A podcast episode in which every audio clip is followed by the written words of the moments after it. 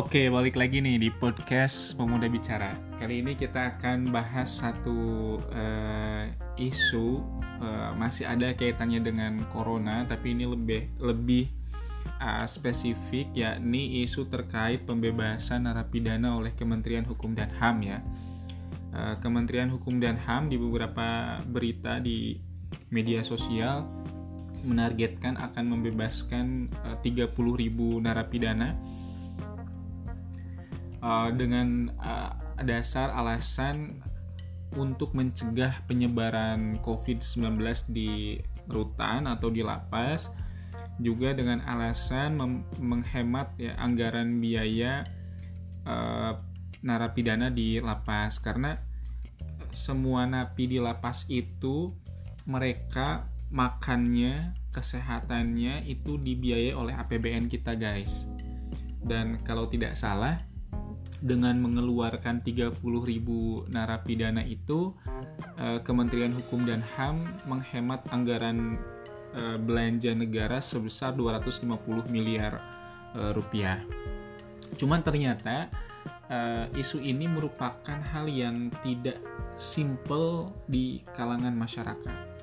Sebab ternyata ada beberapa kekhawatiran di kalangan masyarakat bahwa Eh, ketika narapidana-narapidana ini dibebaskan di luar lapas, satu, mereka keluar lapas pun mereka belum tentu terjamin tidak terjangkit eh, COVID-19. Dua, masyarakat khawatir narapidana yang dibebaskan saat ini dalam kondisi seperti ini, dalam kondisi darurat, justru menekan mereka untuk mengulangi tindak pidana yang telah mereka lakukan karena mereka keluar dari lapas tidak mendapat jaminan sosial, tidak mendapat jaminan ekonomi yang basicnya mereka dulunya adalah perampok misalnya.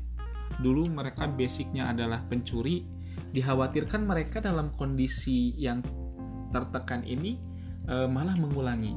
Jangankan mantan narapidana, masyarakat biasa pun dalam kondisi darurat seperti ini sangat mungkin melakukan satu aksi-aksi uh, yang nekat ya. Walaupun sampai sedetik ini uh, belum ada uh, beritanya. Tapi terakhir saya baca berita uh, justru ada salah seorang napi mantan vonis kasus pencurian dia keluar lapas eh malah residivis. Jadi residivis itu seorang narapidana yang sudah dijatuhi vonis dia kembali melakukan tindak pidana yang sama gitu. Nah, juga kekhawatiran e, masyarakat itu ada ada e, semacam kebijakan yang kontradiktif antara kebijakan pemerintah pusat, kebijakan presiden dan kebijakan Kementerian Hukum dan HAM. Ketika presiden mengatakan bahwa akan melakukan disiplin pendisiplinan hukum bagi masyarakat yang tidak mengindahkan PSBB dengan ancaman hukuman satu tahun penjara berdasarkan undang-undang kebencanaan. Eh, di sisi lain, Kementerian Hukum dan HAM justru melepaskan 30 eh, ribu napi dengan alasan menghemat APBN. Jadi di satu sisi Kementerian Hukum dan HAM melepaskan napi, di sisi lain, justru presiden menginstruksikan kepada aparatur keamanan, dalam hal ini kepolisian, untuk menindak secara represif orang-orang yang yang uh, tidak mengindahkan himbauan pemerintah. Jadi nanti nambah nambah uh, napi baru, nambah tahanan baru, nambah anggaran lagi. Jadi ini uh, kebijakan yang yang kontra, kontradiktif.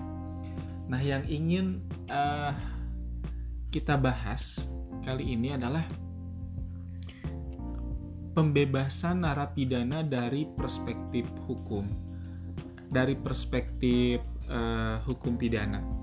Jadi kan masyarakat masih uh, masih asing ya terhadap pembebasan bersyarat untuk seorang narapidana. Sebetulnya kalau kita yang bergelut di dunia hukum baik itu akademisi ataupun seorang praktisi yang pernah mengenyam uh, dunia hukum pidana pembebasan bersyarat untuk seorang narapidana itu bukan hal yang yang asing. Uh, itu merupakan hal yang yang biasa. Uh, sebetulnya juga saya ingin meluruskan ya bahwa di dalam Undang-Undang Nomor 12 Tahun 1959 tentang uh, apa tentang pemasyarakatan tidak ada istilah narapidana di undang-undang itu. Justru di sana disebut sebagai WBP, warga binaan pemasyarakatan. Jadi tidak ada istilah uh, narapidana dalam undang-undang itu. Nah, jadi sebetulnya seorang uh, seseorang yang telah melakukan satu tindak pidana kemudian dia telah melalui due process of law atau proses uh, apa namanya pembelaan terhadap apa yang dituduhkan, apa yang dituntut kepada dirinya, kemudian dia telah diponis oleh satu putusan yang berkekuatan hukum tetap oleh pengadilan, maka dengan vonisnya itu tidak serta merta seluruh hak asasi manusianya itu hilang atau dirampas. Jadi tetap melekat hak asasi manusia terhadap seorang warga binaan pemasyarakatan. Jadi mereka para WBP yang tinggal di lapas, yang tinggal di rutan, mereka tetap memiliki hak asasi manusia. Oleh karena itu, dalam hal ini mereka tetap diberi eh, diberi jaminan kehidupan oleh negara. Mereka diberi makan, mereka tidak kerja di lapas, mereka di dibiayai diberi makan oleh negara. Ketika mereka sakit mereka pun disediakan fasilitas kesehatan di lapas walaupun fasilitas kesehatan ini eh, perlu kita kritisi juga ya karena sangat-sangat tidak tidak layak. Juga tempat lapasnya juga sangat-sangat tidak layak. Di satu sisi tujuan eh, di satu sisi eh, apa lapas atau lembaga pemasyarakatan pemasyarakatan kita e, melindungi hak asasi manusia seorang WBP, tapi di sisi lain justru fasilitas yang ada di lapas e, apa tidak menunjang hak asasi seorang WBP untuk tinggal tinggal di sana. Saya punya beberapa klien yang sudah difonis masih e, menjalin komunikasi dengan saya ketika ditanya bagaimana kondisi di lapas ya pada akhirnya ada orang yang tidur sambil berdiri, ada orang yang tidur sambil tumpuk-tumpukan gitu. Ada uh, satu sel itu yang harusnya idealnya lima orang ini diisi oleh 20 orang dan banyak hal-hal lain. Jadi di satu sisi lapas kita ingin uh, hum, humanize gitu ya. Ingin bersifat humanisasi, ingin menjadikan seorang WBP itu tetap sebagai seorang manusia tapi di sisi lain justru keadaan atau fasilitas lapas kita itu dehumanisasi. Jadi tidak memperlakukan manusia selayaknya seperti manusia. Bahkan kalau kawan-kawan main ke pengadilan negeri mana pun di Indonesia, lalu kawan-kawan lihat lapas eh, ruang tahanan karena seorang seorang terdakwa itu mereka di pengadilan negeri itu ada satu ruangan khusus di sel ada satu penjara khusus. Mereka nunggu di situ sebelum mereka di, dipanggil sidang. Dan kita miris melihatnya. Ka, miris dalam arti mereka diperlakukan seperti seperti uh, kurang manusiawi lah. Tempatnya kurang manusiawi. Walaupun memang uh, apa namanya mereka adalah seorang kriminal, mereka adalah seorang yang telah melakukan tindak kejahatan, tapi tidak serta-merta uh, tindak kejahatannya itu merubah status dirinya dari seorang manusia menjadi seorang uh, menjadi makhluk yang lain. Benar hmm. Pada dasarnya, pada dasarnya uh, mereka juga manusia gitu, pada dasarnya dan ini juga merupakan satu apa ya satu resapan dari satu perjanjian internasional terkait hak asasi manusia bahwa seseorang yang melakukan tindak pidana dia difonis hukuman penjara hak-hak dia sebagai seorang manusia tetap melekat pada pada pada dirinya. Nah itu basicnya seperti itu. Dan eh, ketika kita berbicara pembebasan napi, dasar hukumnya itu sebetulnya sudah ada di Undang-Undang Nomor 12 Tahun 1995 tentang pemasyarakatan tadi. Di sana diatur uh, pembebasan bersyarat. Kan para napi uh, napi-napi yang dibebaskan oleh Kemenkumham itu statusnya bukan bebas murni ya. Bukan bebas uh, secara keseluruhan. Mereka merupakan napi yang masuk ke program uh, asimilasi. Program integrasi antara napi dengan masyarakat dinamakan programnya itu pembebasan bersyarat atau cuti menjelang bebas. Nah, si pembebasan bersyarat ini uh, tentu merupakan hal yang yang uh, tidak tidak serta merta membuat mereka keluar penjara selesai. Bukan. Pembebasan bersyarat ini ada beberapa ada beberapa syarat yang harus dipenuhi oleh napi. Jadi di antaranya satu syaratnya itu adalah mereka telah menjalani hukuman masa tahanan 2 per 3 dari, dari vonis.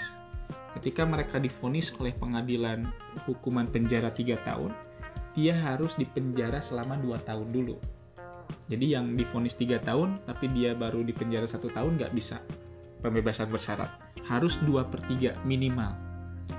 Syarat yang kedua adalah mereka mendapatkan surat keterangan berkelakuan baik selama 9 bulan terakhir. Jadi dari dua tahun itu 9, 9 bulan terakhirnya mereka harus uh, berkelakuan baik, mengikuti program-program lapas. Di lapas itu programnya banyak, ada program yang bersifat sosial, ada program yang bersifat uh, menumbuhkan kreativitas, ya, kerajinan tangan dan lain sebagainya mereka di, di, diberikan uh, pendidikan itu. Kemudian juga ada program yang berbasis agamis, agama. Jadi mereka dibina bukan secara sosial saja, tapi secara agama masing-masing pun mereka mendapatkan pembinaan itu.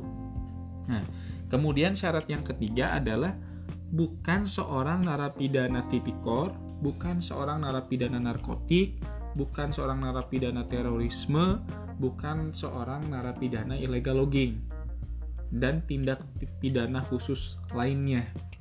Kita mengenal di hukum pidana itu ada extraordinary crime, kejahatan yang luar biasa, di antaranya tipikor, kemudian terorisme, ya, dan e, pencucian uang, itu extraordinary crime, dan tindak pidana khusus lainnya juga. Banyak ya tindak pidana khusus lainnya. Nah, tiga syarat ini harus dipenuhi oleh seorang napi untuk mendapatkan pembebasan bersyarat Nah, jadi ketika ada salah satu yang tidak terpenuhi ya mereka tidak bisa mendapatkan pembebasan bersyarat ini. Jadi yang tadi saya katakan di awal, pembebasan bersyarat itu merupakan hal yang sudah biasa. Dari tahun 95 kita sudah punya dasar hukumnya. Hanya saja perbedaannya dengan dengan dengan uh, masa masa corona ini adalah kalau dulu pembebasan bersyarat itu diajukan secara mandiri oleh seorang napi. Diajukan secara mandiri, mereka mempersiapkan dokumen sendiri dalam lapas, mereka difasilitasi oleh e, lapasnya, dan itu proses seleksinya ketat dan e, apa ya tidak tidak tidak mudah gitu. Ketika mereka sudah menjalani dua per 3 ketika mereka sudah mendapat surat keterangan baik dan tidak termasuk tindak uh, napi yang diatur dalam pasal uh, dalam Undang-Undang Nomor 12 Tahun 95 yang tadi yang tipikor, yang te teroris, mereka satu mungkin jarang napi yang tahu terkait program asimilasi atau integrasi ini. Sehingga mereka tidak mengajukan karena mereka tidak tahu. Kedua, uh, kena, apa ya yang jadi kendala adalah kepiawaian mereka dalam uh, dalam menem, dalam mendapatkan syarat-syarat ini gitu. Jadi harus kan di, ke, tidak bisa mereka menerangkan secara lisan bahwa mereka sudah menjalani hukuman 2 per 3 harus secara tertulis gitu. Harus membuat dulu surat permohonannya ke Kalapas. Bahwa saya telah menjalankan dua masa 2 per 3 eh, tahanan dan mohon untuk pembebasan bersyarat. Sangat sangat sangat eh, jarang ada permohonan dari seorang napi terkait pembebasan bersyarat ini. Nah, kalau dulu diajukannya secara eh, mandiri dan sangat jarang terjadi dan proses seleksinya itu sangat ketat bahkan ketika mereka pakai lawyer sekalipun gitu ya itu uh, sangat ribet. Ininya. Proses. Nah sekarang bedanya adalah mereka tidak perlu mengajukan secara mandiri, tapi Kementerian Hukum dan HAM bekerja sama dengan lapas mendata dan menseleksi napi-napi yang sekarang ada di lapas di seluruh Indonesia. Napi mana saja yang mereka sudah menjalani 2 per 3 masa tahanan, mereka berkelakuan baik 9 bulan terakhir, dan mereka bukan merupakan napi tipikor, napi narkotik, napi teroris, dan lain sebagainya, dan tindak pidana khusus uh, lainnya. Itu saja sih perbedaannya. Jadi perbedaannya itu saja. Nah, kenapa sih? Mungkin pertanyaan selanjutnya, kenapa sih di uh, di hukum pidana kita mengenal program asimilasi atau program integrasi atau program pembebasan bersyarat tadi? Kenapa sih uh, apa namanya ada ada ada program semacam itu? Bukannya seharusnya mereka itu uh, full menjalankan tahanannya. Nah, kalau berbicara berbicara hal ini maka kita harus uh, membedah tujuan pemidanaan dalam sistem hukum pidana kita. Apa sih tujuan pemidanaan itu? Nah, kebanyakan masyarakat kebanyakan masyarakat menganggap bahwa seseorang dipidana adalah untuk dihukum. Ya, betul. Seorang dipidana adalah untuk dihukum. Kedua, seseorang dipidana untuk agar dia mendapatkan keadilan. Misalnya dia mencuri,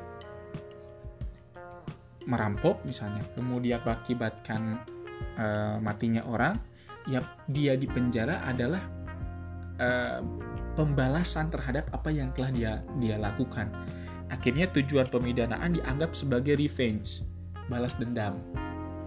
Gitu, di samping menegakkan keadilan tapi juga membalas apa yang telah ia ia lakukan. Kemudian apalagi sih tujuan tujuan pemidanaan itu? Ya, efek jerak ya. Tujuan pemidanaan juga eh, salah satunya adalah supaya orang yang berbuat kejahatan itu tidak melakukan kejahatan lagi di kemudian hari. Dan tujuan pemidanaan itu juga eh, apa istilahnya supaya menjadi contoh agar orang lain tidak melakukan hal yang yang sama gitu. Jadi ketika ada pencuri dia dijatuhi hukuman tujuan salah satu tujuannya adalah biar orang lain tidak ikut mencuri. Nah, tujuan pemidanaan. Nah, ternyata tujuan pemidanaan itu bukan hanya itu saja dan uh, apa ya istilahnya ya? Dan merupakan hal yang yang cukup rumit untuk untuk di untuk difahami atau untuk di dibahas. Tapi saya coba pelan-pelan ya di di sini. Nah secara umum tujuan pembinaan itu terdiri dari teori pembalasan atau deterrence deterensi yang berasumsi bahwa kejahatan itu menimbulkan ketidakadilan yang tadi. Sehingga ia harus dibalas dengan ketidakadilan pula. Nah, ini ini teori-teori umumnya ya. Nah, kemudian juga ada teori tujuan atau prevensi yang menyatakan bahwa dasar pemidanaan terletak pada tujuan pemidanaan. Nah, tujuan pemidanaan itu terbagi dua lagi nanti. Ada tujuan umum, prevensi umum, yang menyatakan bahwa tujuan pokok pemidanaan adalah pencegahan yang ditunjukkan kepada semua orang agar tidak melakukan pelanggaran. Oleh karena itu, tujuan pemidanaan selain untuk mempertahankan ketertiban hidup masyarakat, juga mempunyai tujuan kombinasi untuk menakutkan dan memperbaiki. Gitu. Jadi untuk memberi rasa takut kepada masyarakat yang lain dan memperbaiki tatanan sosial gitu. Nah, teori per, dan ada juga tadi kan teori prevensi umum, tujuan umum dan ada teori prevensi khusus atau tujuan khusus. Nah, teori prevensi khususnya itu adalah menyatakan bahwa tujuan pemidanaan adalah membuat efek jerak dengan memperbaiki dan membuat penjahatnya itu menjadi tidak mampu untuk melakukan kejahatan lagi. Ini prevensi khusus. Jadi tujuan pemidanaan secara khusus adalah efek jerak. Kalau secara umum kan tadi kepada masyarakat luas supaya tidak tidak melakukan tindak pidana yang sama. Kalau secara khusus ini langsung ke pelaku tindak pidananya supaya dia jerak dan supaya dia tidak sanggup melakukan lagi gitu. Nah, ternyata teori prevensi khusus ini yang kemudian melahirkan program-program asimilasi tadi, integrasi tadi. Jadi maksudnya yang awalnya memang tujuan pemidanaan di negara kita di Indonesia pada zaman penjajahan Belanda itu teorinya prevensi umum. Efek jerak tadi eh sorry teori umum. Supaya mencegah masyarakat lain melakukan hal yang sama. Menakut-nakuti masyarakat yang lain dan membentuk satu tatanan sosial. Memang betul. Jadi dulu zaman Belanda pribumi diponis pidana diponis melakukan satu kejahatan mereka dipenjara mereka benar-benar dipenjara dalam arti revenge, pembalasan, balas dendam, dan mereka di penjara tidak diberikan kehidupan yang layak, betul-betul hilang hak asasi manusianya, gitu ya. Nah, bergeser ke era kemerdekaan, khususnya setelah lahirnya Undang-Undang Nomor 12 Tahun 1995 tujuan pemidanaan di negara kita bergeser yang pada awalnya itu untuk membuat efek jerah, untuk membalas dendam, tapi bergeser menjadi kepada tadi prevensi khusus tadi. Selain efek jerah, selain balas dendam, bagaimana caranya agar dia tidak melakukan tindak pidana yang sama di kemudian hari atau tindak pidana lagi. Maka salah satu uh, jalan keluarnya adalah satu-satunya jalan keluar atau salah satu mungkin ya jalan keluar adalah membuat si pelaku tindak pidana itu menyadari kesalahannya. Jadi istilah nama, istilah simpelnya membuat si pelaku itu melakukan taubat. Tujuan tujuan pemidanaan itu saat ini sudah bergeser bukan hanya sebagai efek jerah tapi juga mem membuat si pelaku sadar bahwa dia adalah manusia, dia bagian dari masyarakat, apa yang dia lakukan salah, seharusnya dia tidak melakukan itu. Jadi membentuk kesadaran pelaku tindak pidana. Jadi lembaga pemasyarakatan itu bukan full penjara, di dalamnya juga ada pendidikan. Pendidikan moral pendidikan keterampilan dan pendidikan sosial dan pendidikan lainnya. Kenapa ada ada hal-hal seperti itu? Ya tadi. Karena oh, sistem hukum pidana kita memandang bahwa seorang pelaku kejahatan mereka juga manusia. Dan mereka juga punya hak. Dan mereka juga setelah mereka selesai dihukum akan kembali ke masyarakat. Ketika penjara dijadikan satu tempat untuk balas dendam, revenge tadi, tanpa ada unsur pendidikan, penyadaran, dan lain sebagainya, mereka di penjara itu kembali ke masyarakat khawatir malah dendam lagi, gitu, paham nggak?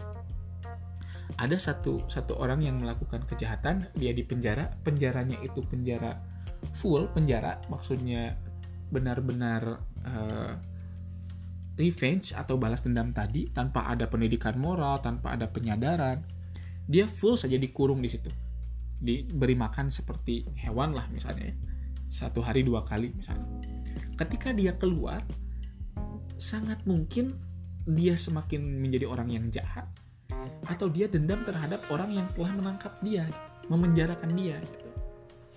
Tapi ketika lapas itu merupakan tempat uh, apa namanya? uh, tempat hukuman penjara tapi di dielaborasi dengan adanya pendidikan moral supaya dia sadar bahwa apa yang dilakukan salah dan dia kembali menjadi masyarakat pada umumnya.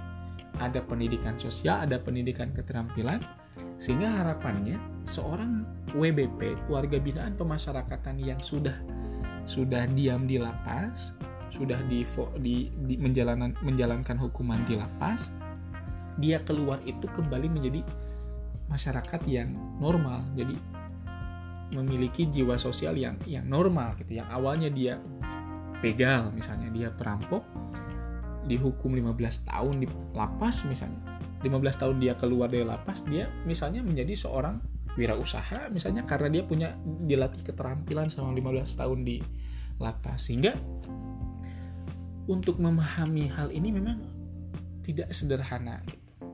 dan apa yang dilakukan oleh pemerintah memang secara hukum sudah benar gitu. Yang tidak benar adalah pemerintah tidak mengedukasi masyarakat gitu. Sehingga kebijakan ini diterima oleh masyarakat bulat-bulat gitu. Dan masyarakat menjadi uh, antipati terhadap seorang seorang uh, narapidana karena memang di kalangan masyarakat kita persepsi seorang yang melakukan tindak pidana adalah dia itu mantan pelaku tindak pidana seumur hidupnya selamanya penjahat gitu masyarakat awam ya. Masyarakat awam. Selamanya dia penjahat. Mau dia sudah dihukum mau dia keluar penjara. Nah makanya penting pemerintah selain daripada melakukan mengeluarkan satu kebijakan tapi juga menyampaikan poin-poin edukasi dari kebijakan itu untuk masyarakat secara luas. Supaya tidak salah paham gitu masyarakat itu terhadap kebijakan pemerintah. Nah saya uh, apa ya sedih itunya. Nih lihat-lihat Menteri Hukum dan HAM kita hari ini yang mengeluarkan pernyataan-pernyataan yang sangat tajam ya, ya di media sosial di beberapa berita. Salah satunya dia mengatakan orang-orang yang e, menolak pembebasan seorang narapidana adalah orang-orang yang tidak memiliki rasa kemanusiaan. Itu kan statement-statement yang yang justru e, memojokkan masyarakat kita just yang yang masyarakat kita butuhkan saat ini bukanlah lawan debat gitu.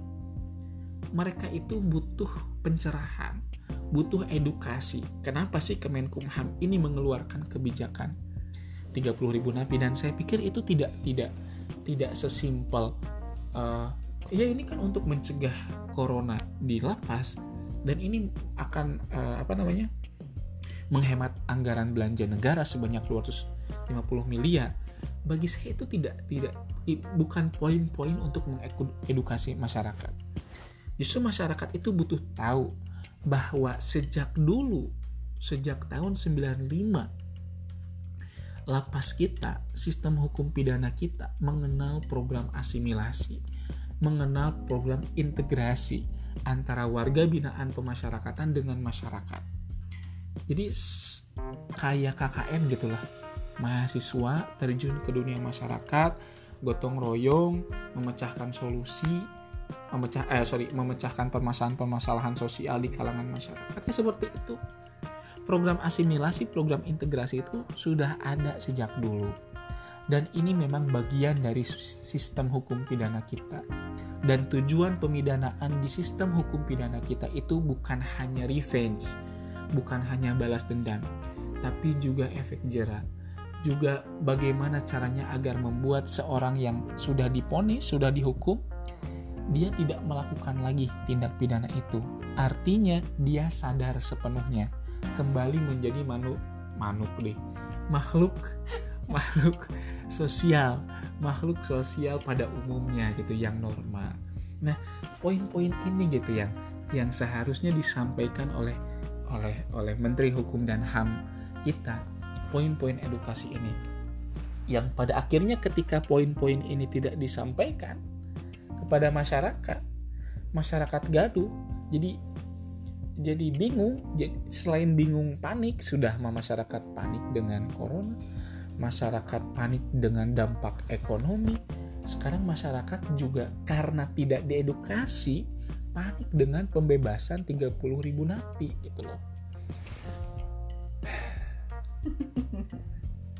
Nah itulah uh, apa istilahnya terkait uh, isu pembebasan napi ini. Jadi uh, saya berharap pemerintah memperbaiki sistem program integrasi dan asimilasi di lembaga pemasyarakatan kita di Indonesia.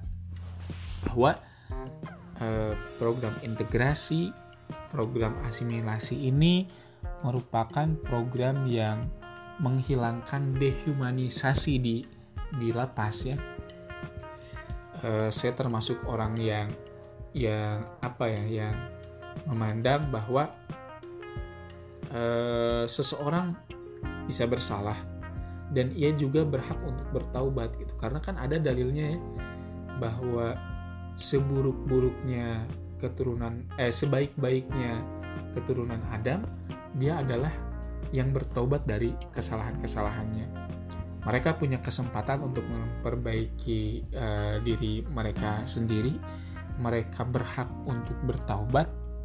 Dan ini merupakan tanggung jawab pemerintah jangan hanya karena isu corona aja tapi nanti ketika negara dalam keadaan normal pun program integrasi, program asimilasi, program pendidikan di lapas itu harus berjalan semaksimal maksimal mungkin. Karena begini uh, tidak ada satu negara yang bebas dari satu tindak pidana tiap negara pasti ada pelaku tindak pidana. Karena memang itulah e, fitrah manusia. Berbuat kesalahan itu kan fitrah. Gitu. Jadi justru yang harus kita ukur bukan ada atau tidak adanya tindak pidana, tapi banyak atau sedikitnya terjadi tindak pidana itu. Jadi negara-negara yang cenderung memiliki uh, sorry negara-negara yang cenderung banyak tindak pidananya maka ada masalah di situ. Dan masalah itu tidak hanya pada tidak bisa hanya di, di dibebankan pada sistem hukumnya.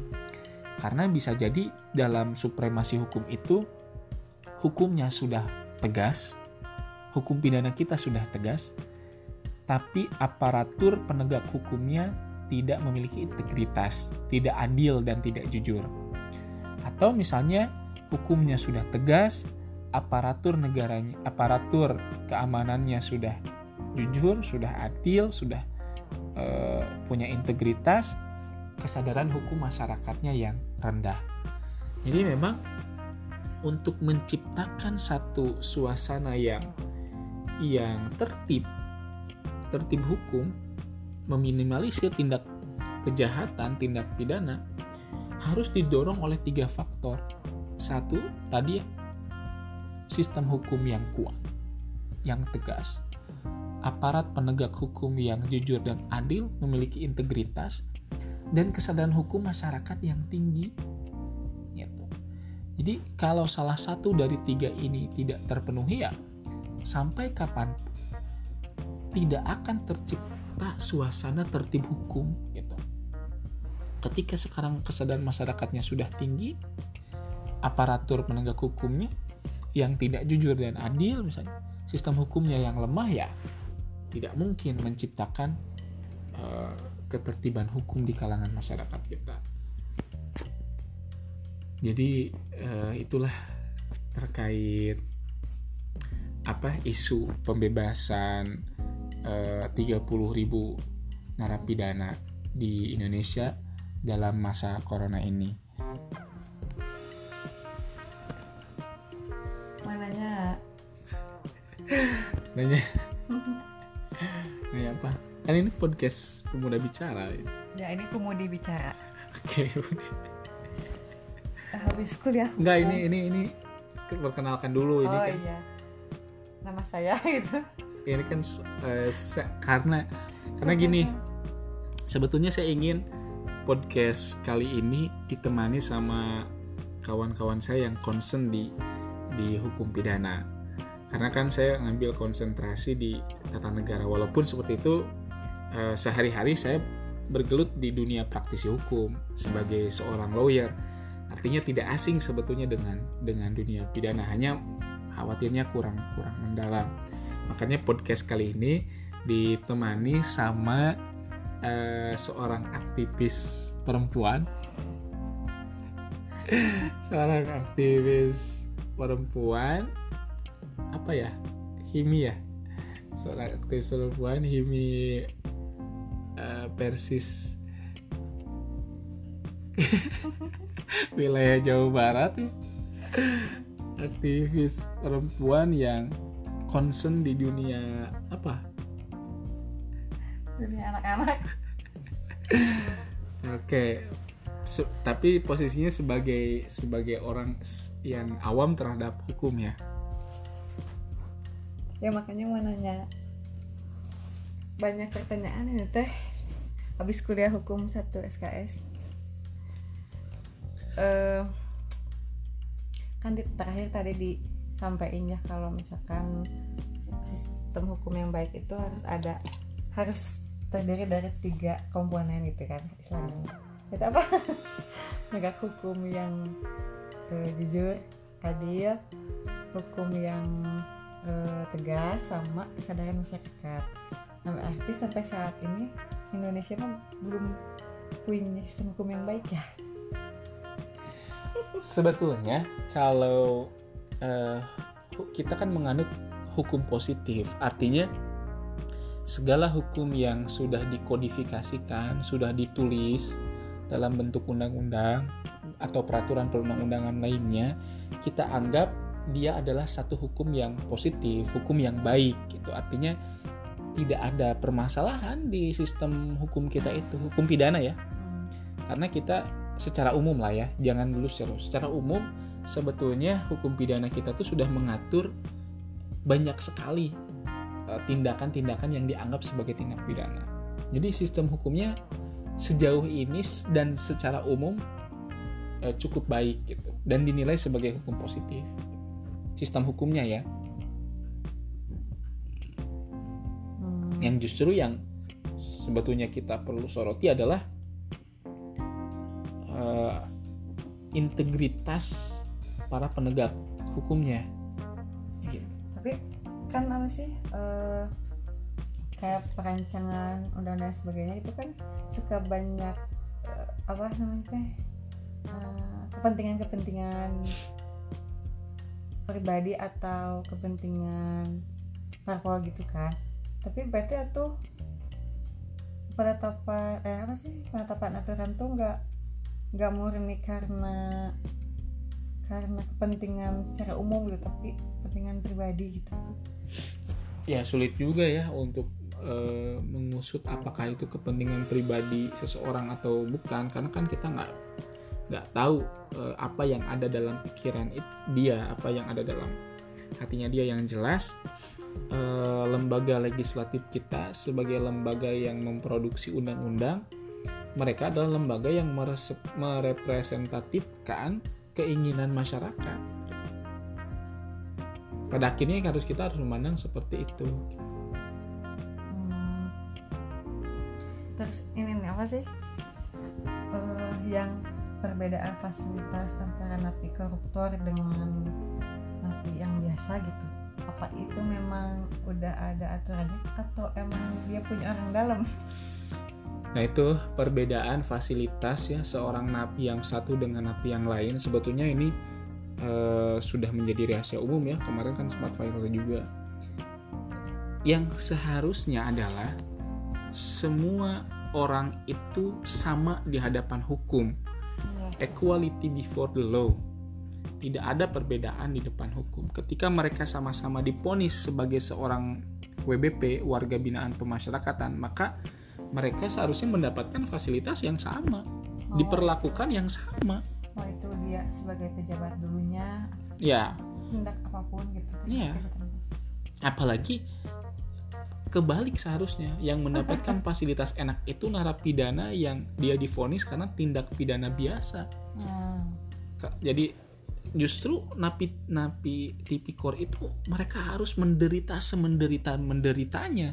Karena mereka melakukan satu tindak kejahatan yang disebut tindak kejahatan khusus tindak pidana khusus bahkan extraordinary crime Hmm. kejahatan yang luar biasa gitu nah ini kan kebalik realitanya justru orang yang melakukan kejahatan luar biasa itu mendapatkan fasilitas enak Hmm. tapi orang yang misalnya hanya mencuri ayam, mencuri sepatu, bisa mencuri Mm-mm. sendal, malah mereka menderita sekali menderita sekali gitu. Nah, makanya kita tadi juga ini kan termasuk bahwa yang harus dibenahi di di sistem eh, hukum kita itu eh, mungkin sedikit perbaikan di sistem hukumnya, penyempurnaan.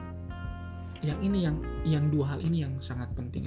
Pertama adalah kejujuran penegak hukumnya, para penegak hukum, integritas para penegak hukum, ya, independensi mereka itu harus harus tidak boleh dependen, tidak boleh tergantung, apalagi kepada seorang narapidana. Kedua adalah kesadaran hukum masyarakat. Masyarakat kita itu kesadaran hukumnya itu masih sangat sangat rendah. Kita lihat aja di lalu lintas masih banyak orang-orang yang yang masih melanggar rambu-rambu lalu lintas itu mencerminkan dan sangat sangat sangat mencerminkan kesadaran hukum yang yang rendah gitu. Kita bayangkan aja kasus tilang di kota Bandung saja itu bisa mencapai satu mi satu tahun itu mencapai ratusan ribu mungkin kasus tilang. Artinya kan terhadap satu aturan yang sifatnya pelanggaran ya itu masih banyak orang yang melanggar gitu. Sehingga sampai pada satu kesimpulan bahwa hukum ada untuk dilanggar padahal hukum ada itu untuk menciptakan ketertiban dan memberikan kebebasan. Justru bagi saya hidup bebas adalah hidup dalam ruang lingkup satu aturan. Ketika kita tidak ada aturan kita tidak bebas. Serba takut yang berlaku hukum rimba kan? Jadi tidak ada kebebasan yang sebenarnya. Ya kebebasan absolut ya di akhirat lah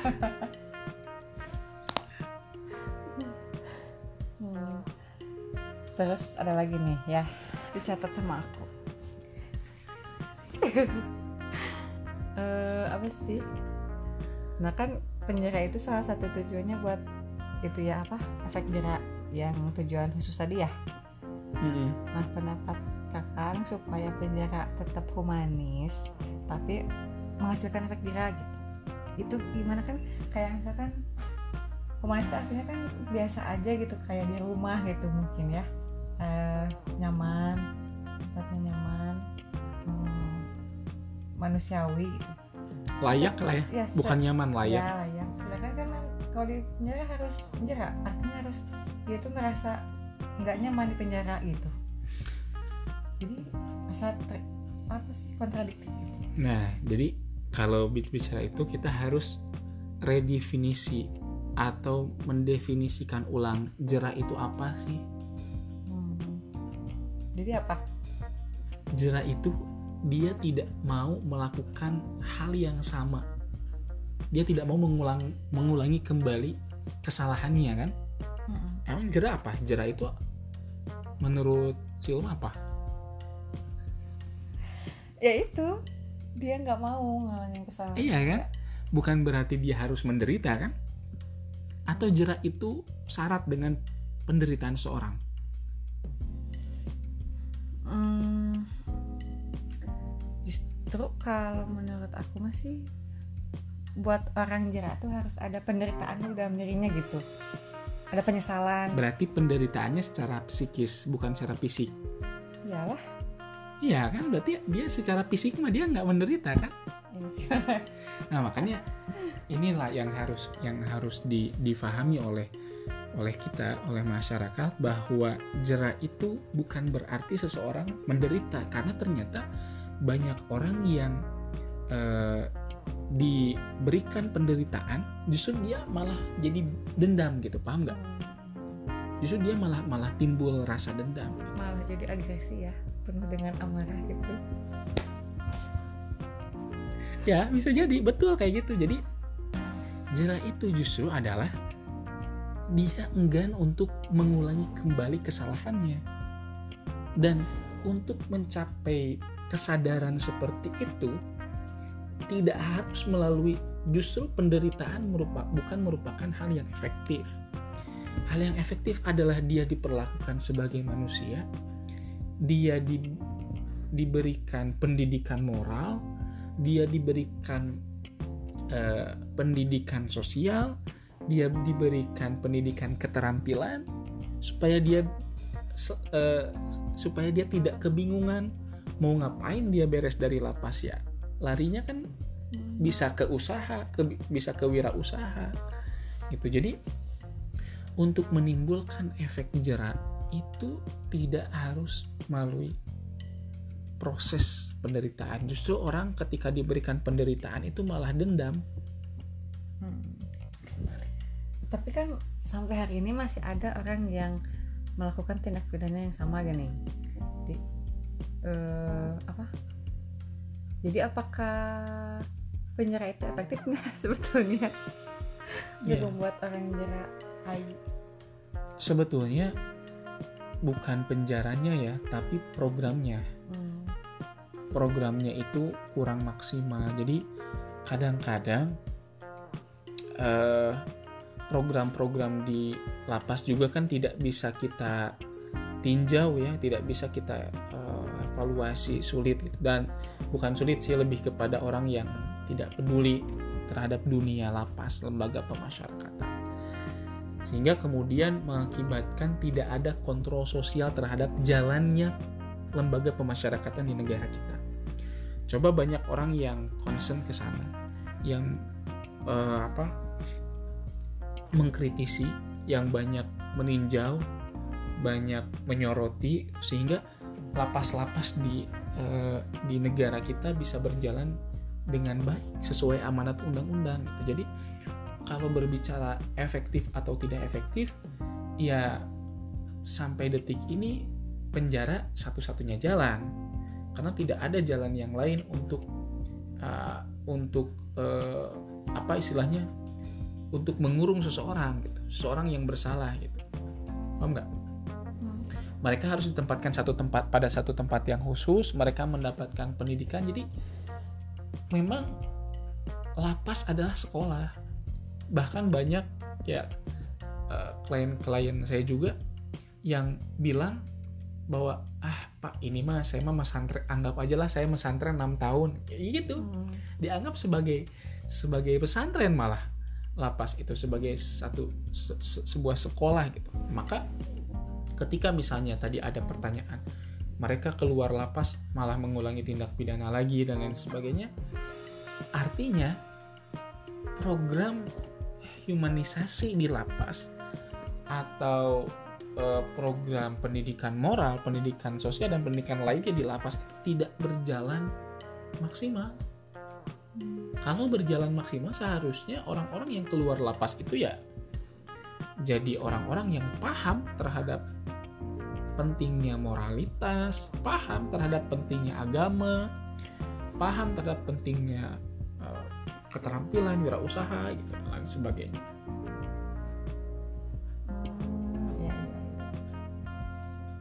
Oke, cukup cukup pada saya.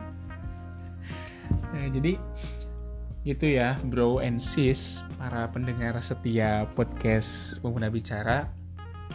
Uh, harapannya podcast kali ini bisa sedikit men-trigger ya, memicu rasa penasaran kawan-kawan terhadap dunia uh, lapas, terhadap dunia napi atau warga binaan pemasyarakatan, juga kemudian bisa tercerahkan uh, terkait kebijakan pemerintah dalam pembebasan 30.000 napi. Oke, nanti kita akan terus bicara isu-isu viral, isu-isu sosial, isu-isu politik, isu-isu hukum, segala isu di negara kita kita bicarakan di podcast Pemuda Bicara sebab moto kita sudah saatnya pemuda bicara kita cerdas bersama membangun bangsa. Ditemani pemudi.